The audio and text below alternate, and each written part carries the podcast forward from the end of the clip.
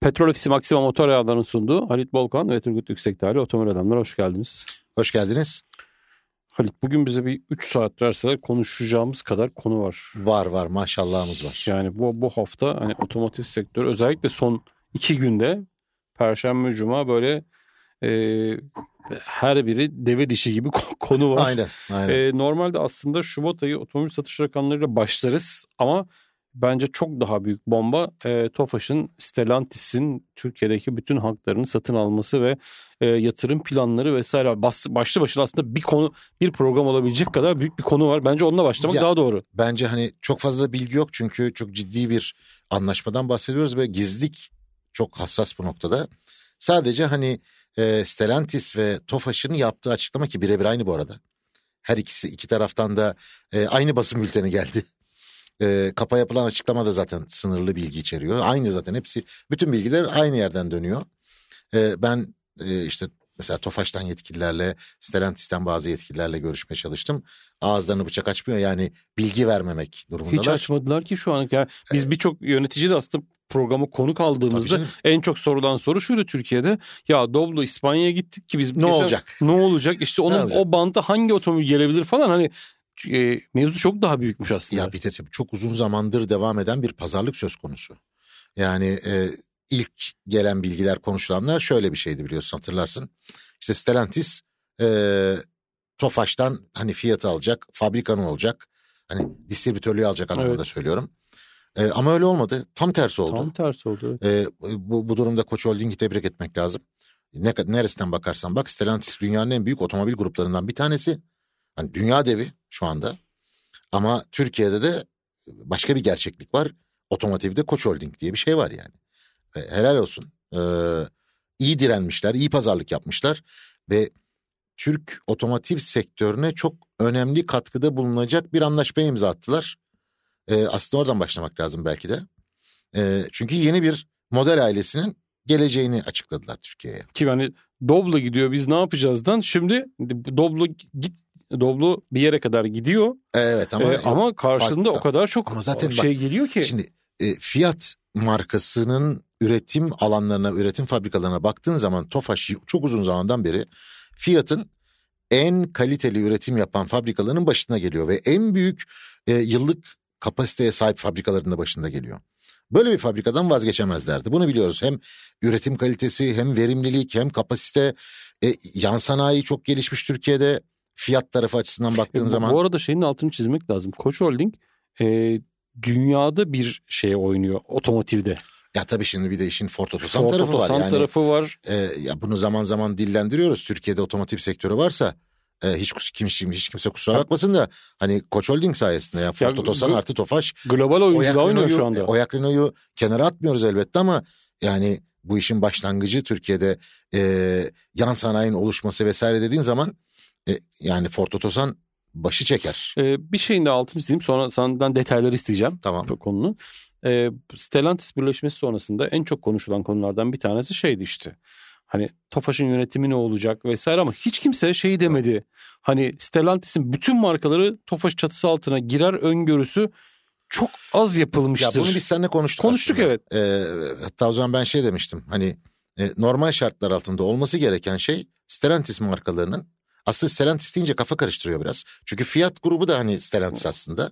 Yani o, o, Peugeot- o zaten Tofaş'ta. Yani eski PSA diyelim. Eski PSA markalarının yani Peugeot, Citroen, Opel, DS markalarının da e, Türkiye'deki satış ve servis hizmetlerinin Tofaş'a verilmesinin daha doğru olduğunu söylemiştik hatırlıyorsan. E, Ama ilk yapılan açıklama hepsi bir bireysel aynı şekilde devam edecek. gibi gibiydi. yani, hatta hani işte Fiat'ın işte Fiat, Alfa Romeo, Hı hı. Maserati'nin e, tek bir Stellantis çatısı altında toplanması ama Tofaş dışında toplanması gibi fikirler de vardı ortada. Böyle şeyler de konuşuluyordu.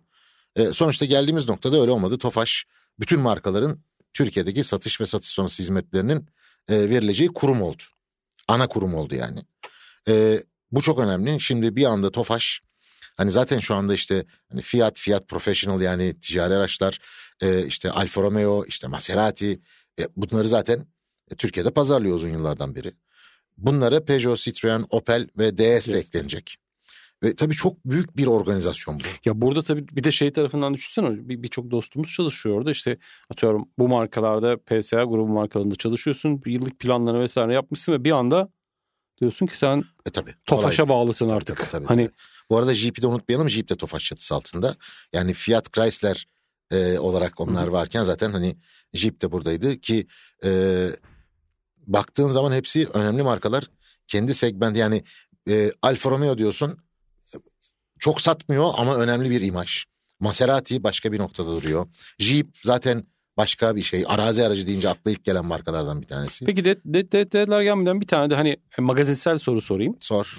Ee, önümüzdeki günler ve aylar içerisinde bu markalarda yönetimsel değişiklikler bekliyor musun? Yönetici değişiklikleri. Ee, ilk baş bilmiyorum. Ya bunu bil- bilmek mümkün değil. Hatta şunu söyleyeyim.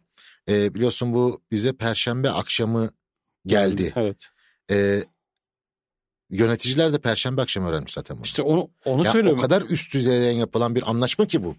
Düşünsene akşam evde oturuyorsun ve Evet. senin markan hani bir yere Evet, bağlanmış. Hani. O akşam haber gelip Evet. kendi aralarında toplantı yapmışlar. Ya bu bu çok yukarıdan yürüyen, Tavareslerden yürüyen Evet. bir iş aslına bakarsan. Çünkü e, şunu söyleyeyim Tofaş bu markaların yani Peugeot, Citroen, Opel, Dies'in e, Türkiye'deki distribütörlüğü diyelim hadi bunu biz buna. E, 400 milyon euroya satın alıyor. Az buz para da değil ha. bu Şimdi o detayları bir anlatalım Tamam. mı?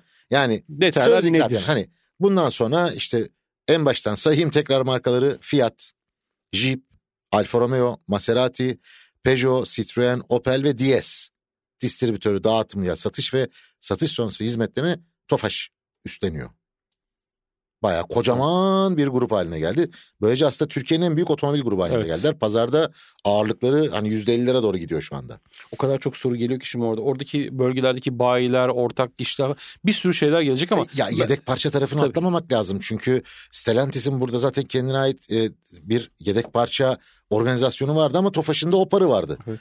Şimdi bunlar ayrı ayrı da yönetilebilir Tamam. bu arada. Yani. böldüm böldüm seni. Sen şu Ha, ben bir şeyi- gireyim oraya. Sen tamamını bir tamamla. şeyi. Ee, yani çok büyük bir yapı. Ha hepsi aynı binada mı olur? İşte e, yeni bir yönetim yapısına mı döner şirketler, markalar? Bunları bilmiyorum. Bilmemiz mümkün değil şu anda. Şu İstanbul Yani- Finans Merkezi'ne bir tane Tofaş kule dikilir mi yani? Ya Anca o kadar kurtarır zaten bir Yok tane ya o kadar kalabalık değiller ben söyleyeyim sana. Yani en fazla 160-170 kişidir herhalde Stellantis tarafı. Ee, ama tabii işte dediğin gibi iki farklı kurum kültürü var işin içinde. Yani böyle bir gerçek de var. Yerleştirilmiş bir takım kurallar var bayiliklerle ilgili, satışla ilgili vesaire Yok ilgili. artık hepsi Tofaş uyacak yani onun. Aa, öyle olmayabilir. Hani her markanın kendine özgü bir e, sonuçta kültürü var. Bunu kabul etmek lazım.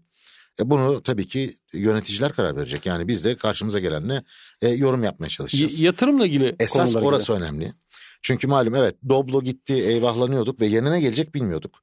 Önce şeyden başlayalım. Ee, Doblo'nun yani bizim hala burada üretilen Doblo eski kasa Doblo.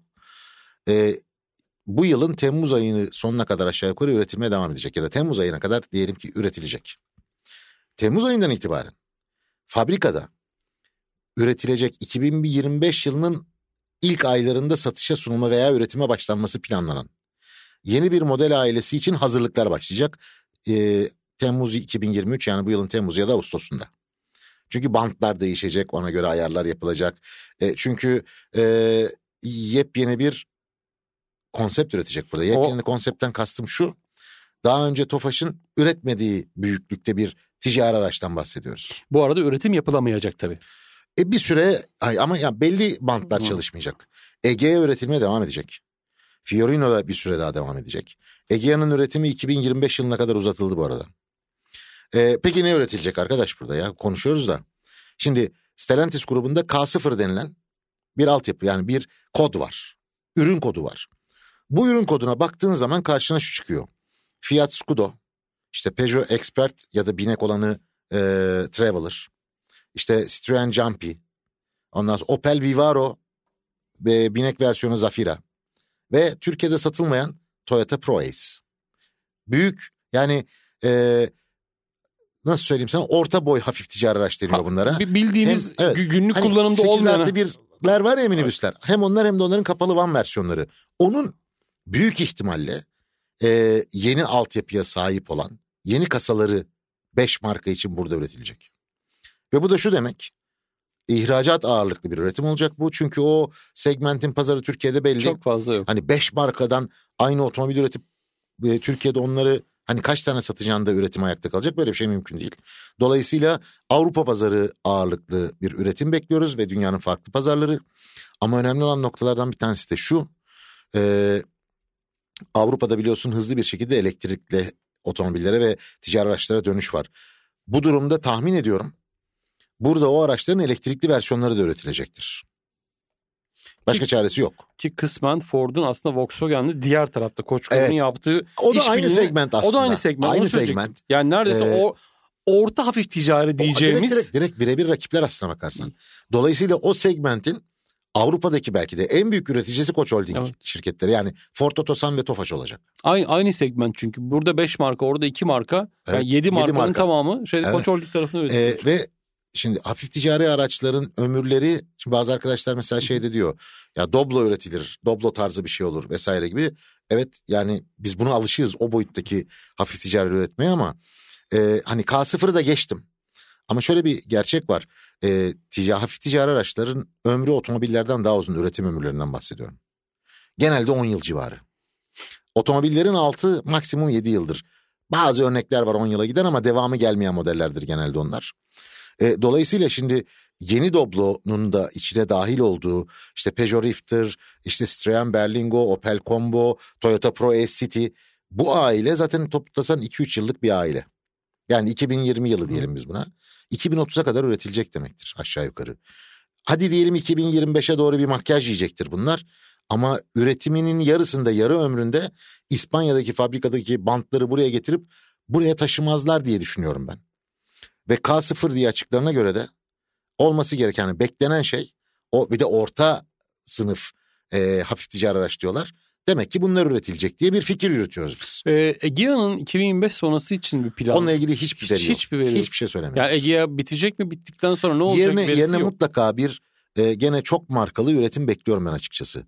Ama Tofaş'ta belki ileride e, aynı Ford Otosan gibi bir hafif ticari araç üretim merkezi haline dönüşebilir. Ama ama ve lakin Türkiye'de binek otomobil pazarında hakim markalardan bir tanesi Fiat.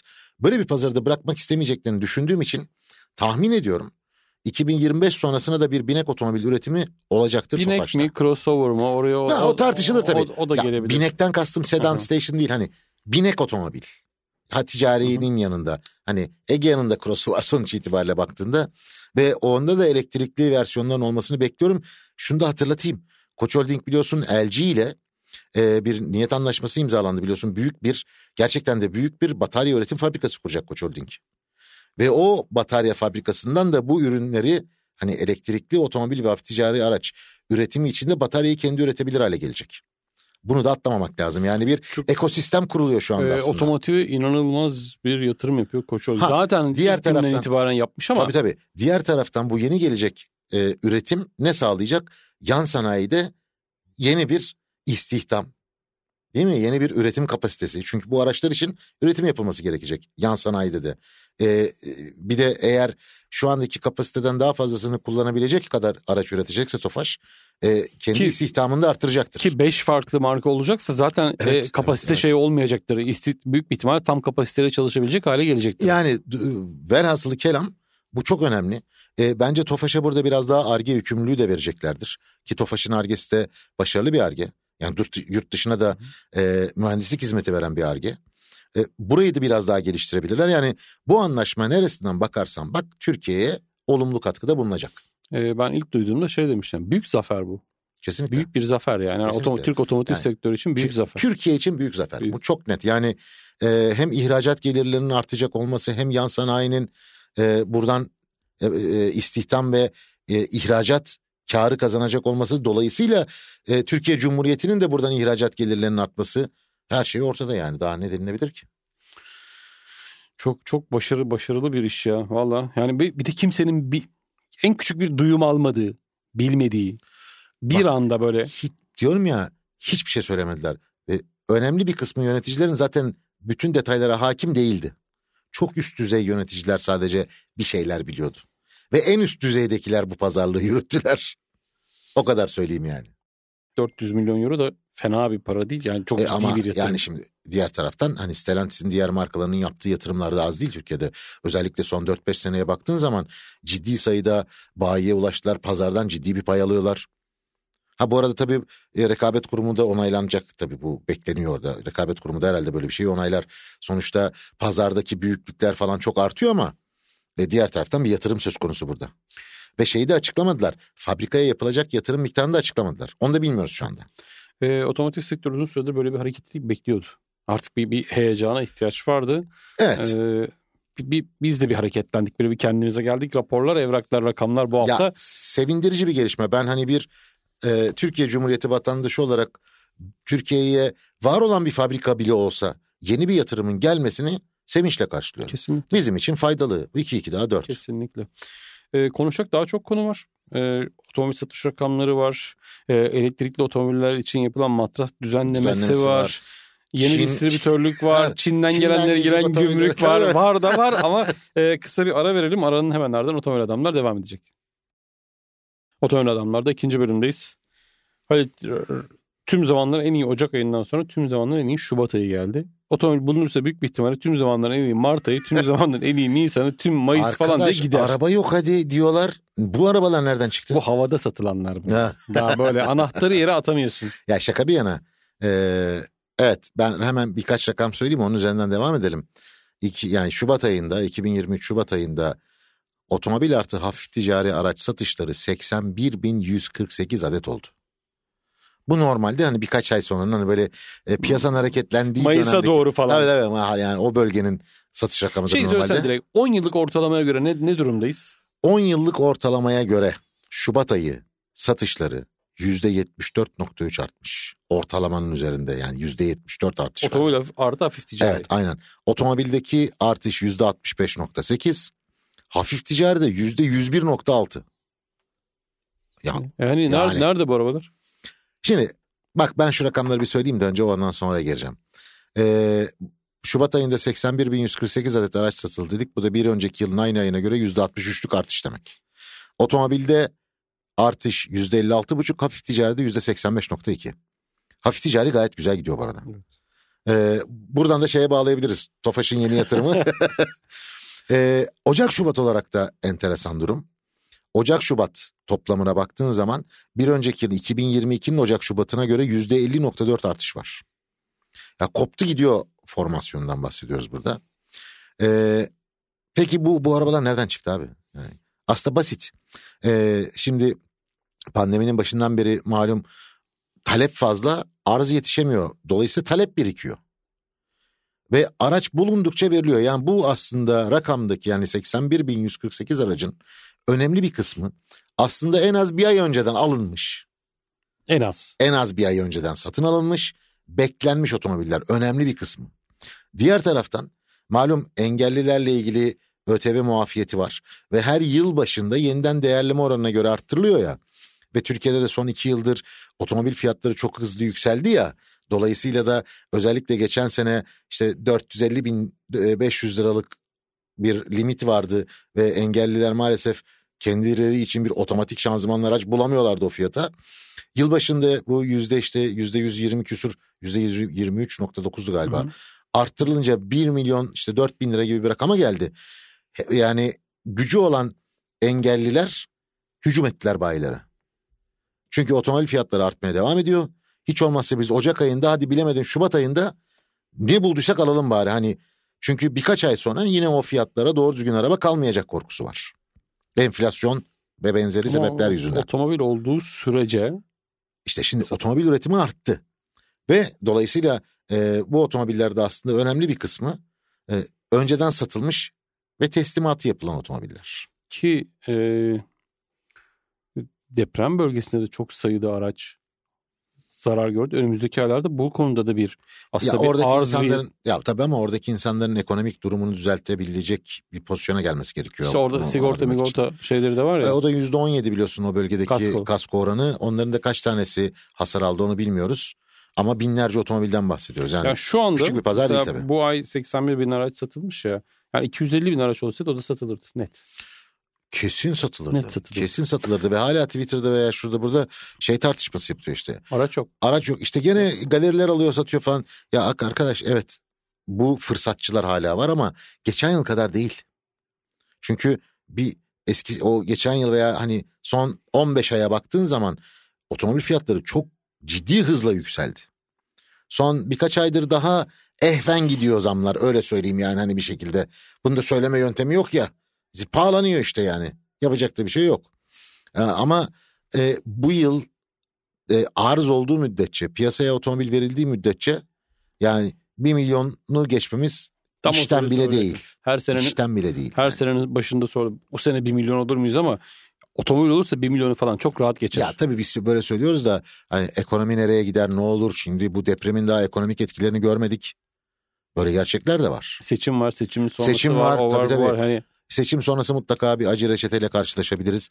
Bunda tabii depremin etkisi var. Çok. Çünkü ya birkaç hani yerden okudum. En az 35 milyar dolarlık bir darbe diyorlar bu hani Türk ekonomisi için. E bu ciddi bir rakam yani. Bu, bunun Tabii o- kaynağı yok o- yani. orada çünkü üretimsel sıkıntılar yaşanıyor. Tabii, fabrikalar tabii. yok Yani çok Tarım ciddi- etkilendi. Her şey etkilendi. Etkilenme bu 45 binden fazla insanımızı Ki bu- kaybettik bu, ya. Bu Kolay tarz değil şeyler yani. hani e, can kaybı dışındaki olan şeylerin etkisini görmek zaten hemen olmuyor. Hemen olmaz. Birkaç Hemen ay sonra birkaç, göreceğiz birkaç onu. ay sonra görülecek onlar. Neyse ben satışlara döneyim. Enteresan bir veri vereceğim sana. Ee, Şubat ayında satılan otomobillerin gövde tiplerine göre baktığın zaman sadece Şubat ayı olarak baktığımızda su gövde tipi yüzde 44.1 yüzde 44.1 sedan yüzde 30 düşüyor. Hatchback yüzde 24. Hatchback kendini koruyor biliyor musun? Evet evet. Yani kendini koruyor. Ee, Ocak Şubat olarak bakarsak daha enteresan bir veri çıkıyor. Ocak ayında çok daha fazla su satılmış demek ki getirilebilmiş. Ocak Şubat ayında gövde tipine göre toplamda yüzde 48.9 su. Neredeyse yüzde 50'ye vuruyor artık. E, ve geçen sene %27'ymiş su. Evet. Ocak Şubat'ta. Fırladı gitti diyorum ya. Ya bunda tabii mesela Egea Cross'un da etkisi çok fazla ve Hyundai Bayo'nun etkisi çok fazla. Türkiye'de üretilen crossover Hı tarzı araçlardan bahsediyorum. Sedan bu iki ayda toplamda yüzde 28.2'ye düşmüş. Hatchback'te yüzde 20.7'ye. Yani böyle giderse hepimiz sadece su alacağız, rahat edeceğiz. Başka bir şeye ihtiyaç yok diyeceğiz yani. Evet gö- görünen o. Sedan, sedan da geçen seneye göre fena değil. 24'ten 27'ye gelmiş aslında. Bu tamamen üretim kapasitesiyle Evet. ilgili ya. Bak burada Egea faktörü, Toyota Corolla faktörü ki Toyota e, bir süre üretim yapamadı biliyorsun. E, makyaj operasyonu nedeniyle. Orada da biraz E, kayıp var elbette. Ege, Corolla, Megane zaten. E tabii tabii. Yani, Yani, o, net. O, o üçlü var orada. Tabii ki. Ya onlar olmasa zaten sedan yok Türkiye'de İşte neredeyse. Passat olaydı. ah be bütün söylüyorsun. Passat bütün dengeleri bozdu görüyor musun? Haklısın. Haklısın. Ne hiçbir şey diyemiyorum buna. Diğer taraftan hani e, yakıt tiplerine bakacak olursak benzinli artık yani liderliği zaten belliydi. Yüzde 68. Ondan sonra dizel yüzde 16.7 yüzde 16 civarında 16-17 civarında direniyor dizel bu arada. E, hibrit yüzde 10.5. LPG'li zaten çok az otomobil Bu üretiliyor. arada dizelde arz yok.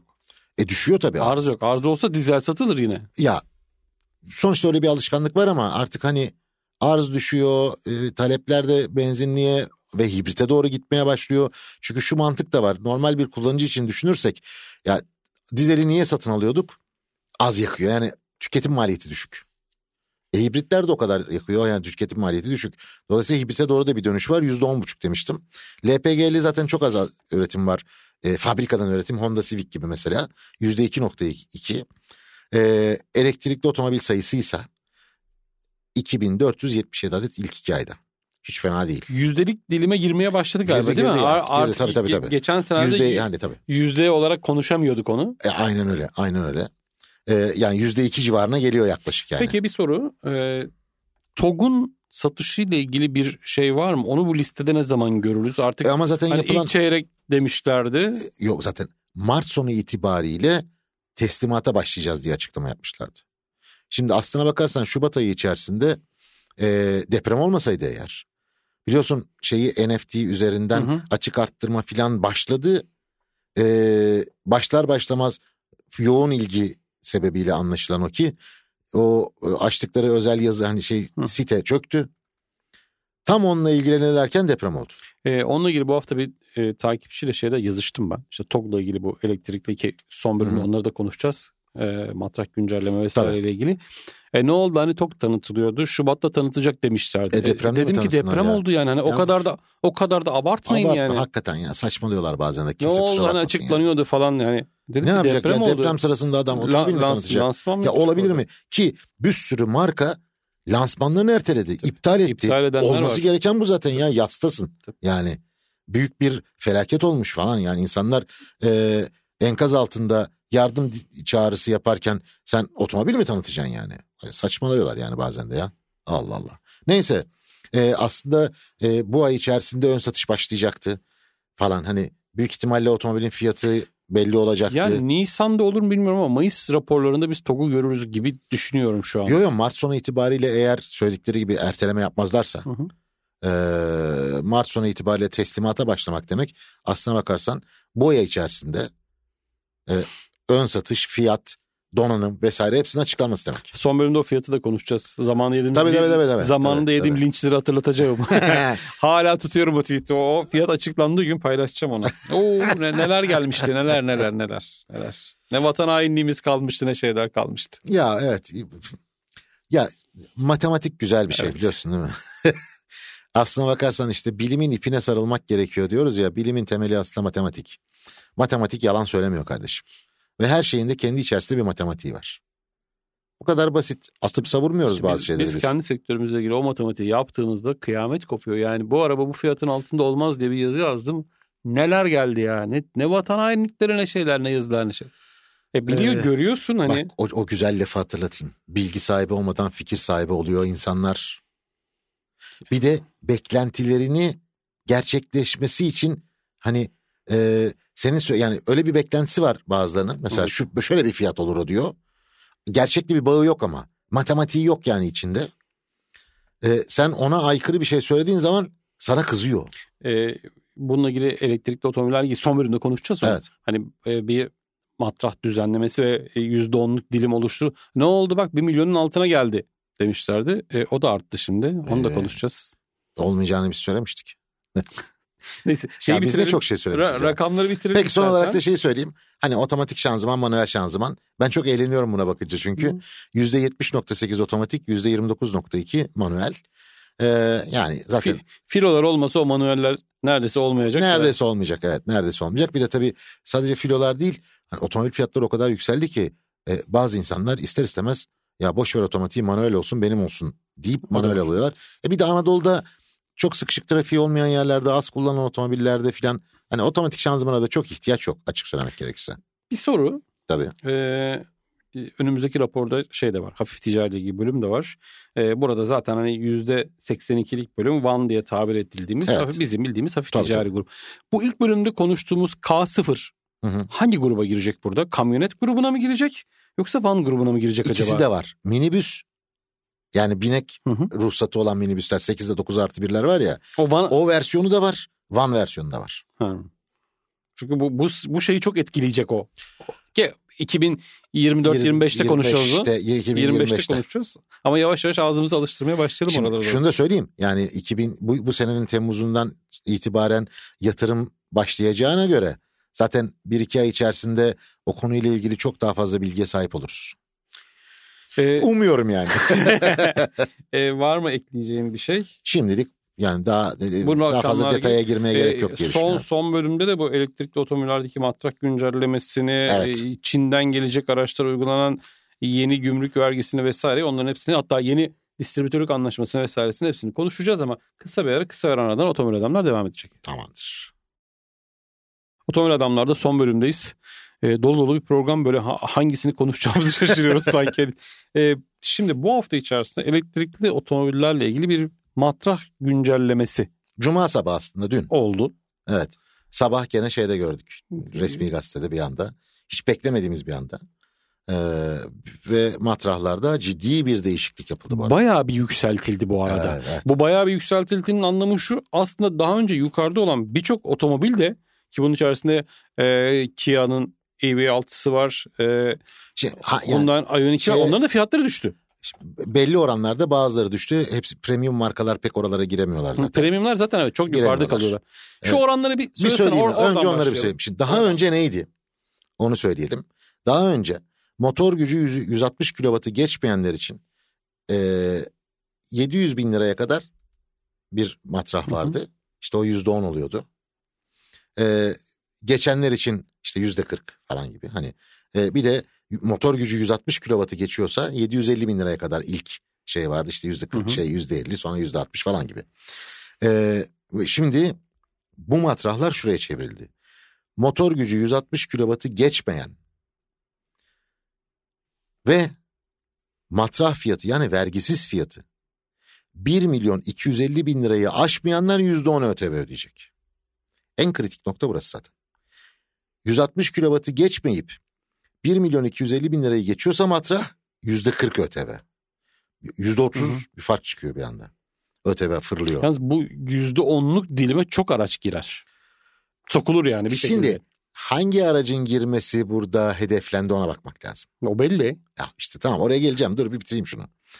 Motor gücü 160 kilovatı geçenler için de matrahı 1 milyon 350 bin lirayı aşmayanlardan %50 alacaklar ÖTV. Aşıyorsa %60 alacaklar. Şimdi burada ben şunu anlamıyorum. Motor gücü 160 kilovatı geçiyorsa matraha kadar %50 matraha giremiyorsa 1 milyon 350 bin liraya %60 sadece %10 artıyor. Peki motor gücü 160 kilovatı geçmeyenlerde niye 30 puan birden yükseliyor ÖTV? Yani niye %10'dan %20'ye çıkmıyor da %10'dan %40'a çıkıyor? Ben bunu anlamadım mesela. Hani daha önce de hiç anlamamıştım da. Şimdi burada tabii bu %10'luk dilim ve 1 milyon 250 bin liralık vergi matrahı TOG'la ilgili fikir veriyor aslına bakarsan. Şimdi eee TOG'un makul en azından benzer sınıftaki elektriklere göre e, makul bir fiyatta kalmasını arzu ettiklerini biliyoruz. Biz de arzu ediyoruz canım. Yani Evet. hani niye mümkün olan en uygun fiyat olmasın? E, şimdi şeyi tabii bilmiyoruz açıklanmadı daha. Hani e, hangi donanımlarla çıkacak, o olacak mı, bu olacak mı vesaire, kaç versiyonu olacak. Teknik anlamda kaç versiyon olacağını biliyoruz. İşte tek motorlu, çift motorlu, kısa menzilli, uzun menzilli falan gibi. Ama e, yani başlangıç fiyatı nereye oturur bilmiyoruz. 1 milyon 250 bin liraya kadar bir matrah belirlendiğine göre buna biraz da pay koymuşlardır mutlaka. Yani mesela 1 milyon 100 bin liraysa matrahı e, giriş fiyatı TOG'un olacaksa öyle bir rakam olacaksa ona da %10 işte ÖTV koyarsın. Hesaplayayım mı hemen? Yani Ben 1.200'e göre hesapladım 1 milyon 557 bin lira çıkıyor. Bence oralara çıkartmayacaklardır. Yani 1 milyon liradan hesapla bence. 1 milyon 1 milyon 100 yapar üzerine de KDV'yi koyarsın %18. Aynen. Ne yaptı? Hadi hesapladım sana. Bir dakika özür dilerim. Oo hesap makinesi de kullanmayı bilmiyor bu adam ya. Yayındayken heyecanlanıyorum. 1.298 oluyor. Mesela 1 milyon hani- 300 bin lira. Yani bir tane mutlaka buna benzer rakamlarda versiyon olmasını ben bekliyorum. Yalnız bu özellikle bir kesimde çok büyük hayal kırıklığı yaratır bu. 500 bin liraya olması beklenen kesim Ya var ya. öyle bir dünya yok. Ama Yani- abi öyle yani bir pompalandı ki yani 500'e olacak 400'e olacakları o kadar çok kişi yazdı bilgi ki. sahibi olmadan fikir sahibi olma lafını tekrar ediyorum bu programda bir kez daha. Yani diyorum ya beklentilerinin gerçeğe dönüşmesini istemek başka bir şey. Ama e, beklentinin matematiksel olarak gerçekleşmeyeceğini kabullenmek başka bir şey. Ee, bize gösterilen o dolu çift motorlu O, ya, versiyonun o 2 milyon üzeri olur canım Ee, yani. bir buçuk sene önce tweet atmışım. Piyasaya çıktığında 2 milyonun altında asla ve asla olmaz diye işte bahsettiğim tweet. var. 2 milyonun altında o, do, o dolulukta. Ha baz bir model 1 milyonlar seviyesi dolu dedik. Şimdi hemen hemen oraya geldi zaten. Abi yani bunu söyledik en baştan Do- beri. doğrusu Yani. bu. E, diğer taraftan tabii bazı modeller de bu matraha göre bazı modeller %26'ya kadar ucuzluyor falan. Böyle rakamlar var. Ha o otomobil var mı şu anda bayide? Yok. Yok. Yok.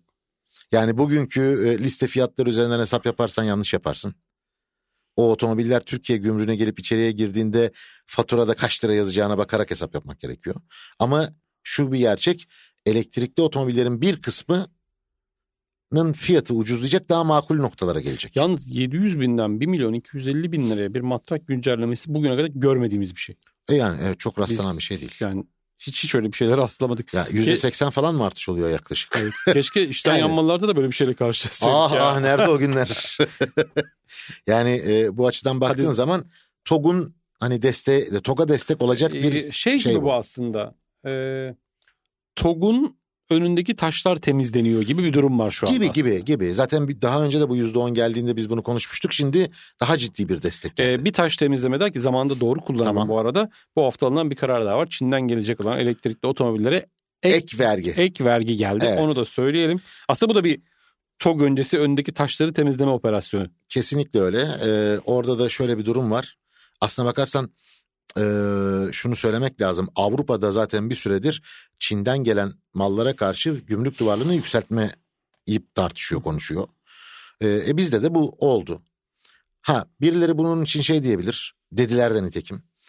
Ee, hani Çin'de bir sürü elektrikli otomobil markası var. Çok da uygun fiyatlı. Bunlar Türkiye'ye şimdi tabii getirilemeyecek yüzde kırk ki buna bir de hani ÖTV, KDV falan koyduğun zaman yüzde ellilerin üstüne çıkıyor. Otomobil maliyetleri açısından baktığın zaman. Bu hani milletin daha ucuz elektrikli otomobil sahibi olmasının önüne getirilen bir engel diyenler de var. Benim tweetime gelen e, cevaplardan biri buydu. Bu arada ben bile ithalatı düşünüyordum bu arada. Yani olmayacak bir şey değil. Çünkü çok Olmayacak zor bir bir şey şey değil orada. Hani Tabii arabanın bütün speklerini sen belirliyorsun. Hazırlıyorsun. Tabii, tabii, tabii, tabii. Gönderiyorlar gemiye. E, Alıyorsun. Yani şimdi burada hem TOG'un korunması da düşünülebilir. Ee, ama aynı zamanda ben başka bir taraftan daha düşünüyorum. Çinli markalar Avrupa pazarına girmek için yanıp tutuşuyor. Ama sürekli gümrük duvarları yükseltiliyor. Dolayısıyla eğer sen Avrupa pazarından pay almak istiyorsan üretim yapacaksın kardeşim. o zaman Türkiye'ye bir yatırım O zaman Türkiye'ye zorundasın. gelip yatırım yapacaksın kardeşim. Başka çaresi yok bunun sizler için. Yani aslında basit bu açıdan baktığında. Ama tabii bundan çok ağır hani e, kötü bir darbe yiyen bir marka oldu. ALC Türkiye 1 Mart'ta şunu açıkladı. Dünyanın en büyük elektrikli araç üreticisi BYD ALC Türkiye ile Türkiye pazarına giriş yapacak. Distribütörlük anlaşması. Evet. Ve bu karardan yaklaşık İki iki, gün gün, önce. iki gün önce. İki E, gün e, yani evet. İki gün sonra bir anda e, yüzde 40 ekstra ilave gümrük vergisi geldi. Şimdi şey, abi böyle bir yerde de ticaret yapmak çok Çok zor. zor. ya. Bütün planı Çok zor. programı yapıyorsun. Evet. Bir şey değişiyor ve Bu hale geliyor. Evet. Yani e, yani şimdi düşünsene aylardır büyük ihtimalle aralarında gidiyorlar geliyorlar pazarlıklar yapılıyor o oluyor bu Tabii oluyor canım, şu orada oluyor. orada işte ben bu otomobili kaça satarım, nasıl mal ederim, kaç paraya satarım, ne kadar kar ederim derken Evet. şu anda o satış fiyatlarına göre diyorsun ki ben bu- bunu satamam. Yani Ya da belki de var başka alternatifleri belki şeyi küçültecekler, daha da küçültecekler. Daha küçük bir araç gelecek. BYD Türkiye'de otomobil üretsin o zaman. Yani işte bizi di- dinliyorlar mıdır ya? Dinliyorlar. Bizi bizi dinlediklerini biliyorum ben. bizi dinlediklerini biliyorum. Çinliler. Hayır. Ha, tamam. Türkiye. ALC bile, tamam onu biliyorum. Yani e, bu tabii çok şanssız bir durum onlar için de. E, ama dediğim gibi bu e, neresinden bakarsan bak TOG'un önündeki taşları temizleme operasyonu da bir parçası olarak düşünülebilir. E, ama aynı zamanda Avrupa ile ortak hareket etme durumu da olabilir. Yani Diğer taraftan e, buraya üretim çekmeyi zorlamayla ilgili bir hareket de olabilir. Hepsi olabilir. bunun. olabilirdi. Üçü bir aradadır bence bunların. Mümkün. Tek- yani Ya bir taşla üç kuş birden burada. İtirazım yok yani olabilir. Ee, göreceğiz zaman gösterecek ya. Ama mesela Tesla 3 orada üretiliyor. Ee, buraya gelmesi artık çok zorlaştı. Ya da MG biliyorsun elektrikli Hı otomobil getirip satıyor. Aa evet. O- onun gibi firmalar Skywell gibi firmalar falan bunlar olumsuz etkilenecekler. Ha, bir de yapılan yatırımlar hani vesaire ona göre yapılmış planlar siparişi verilmiş otomobiller ee, bunlar zor işler. Yani otomobil sektöründe yönetici Yani- olmak çok zordur arkadaşlar. Bir, bir sabah, Hele Türkiye'de acayip zordur. bir sabah uyanıyorsun her şey değişmiş. Aynen. Benim var öyle bir hikayem. Bir sabah hiç unutmuyorum Mayıs'ın ikisi miydi ne? Sabah kalktım telefonda bir tane rapor gördüm. Gerçek değildir bu dedim. Gerçekmiş. Ee, önümüzdeki iki sene onunla uğraşmak zorunda kaldım mesela kendi işimle ilgili. Çünkü hani yaptığın bütün yatırım çöp. Çöp O, oldu. o sabah Aynen, itibariyle ve aynen. sen onu o sabah öğreniyorsun. Ee, zor zor. Bu ülkede iş yapmak gerçekten çok Zor. zor. Ama bir programın daha sonuna geldik. Oo. Ee, otomobil konuşacağımız, dolu dolu otomobil konuşacağımız. Benim aklımda sağlıklı- hala başka konular da varmış gibi geliyor. Korktum şimdi ya, an. yayından sonra biz konuşuruz seninle. Tabii. Problem yok. Ee, bu arada bizi YouTube tarafında izleyenlerin eleştirisi var. Ben söyleyeyim. Ben istiyorum Halit e, müsait olamıyor. Canlı yayın istiyorlar. Ya ben bu aralar biraz yoğunum arkadaşlar. Kusura bakmayın. Ama yapacağız. Canlı yayın yapmamız Yapacağız. lazım. Orada orada bir de sınırı da olmuyor böyle rahat. Daha. Neyse Ramazan geliyor. Bizim meşhur Ha, Rama- Ramazan Tabii programları. canım. iftar programı, sahur programı onların hepsini yaparız. Tabii, hepsi hepsini yaparız orada. Ee, dinleyen ve değer veren herkese çok teşekkür ediyoruz. Ee, Otomobil Adamlar önümüzdeki haftada Türkiye'nin en kafa radyosu Kafa Radyo mikrofonlarında olacak. Şimdi görüşmek üzere. İyi hafta sonları. Hoşçakalın. Hoşçakalın.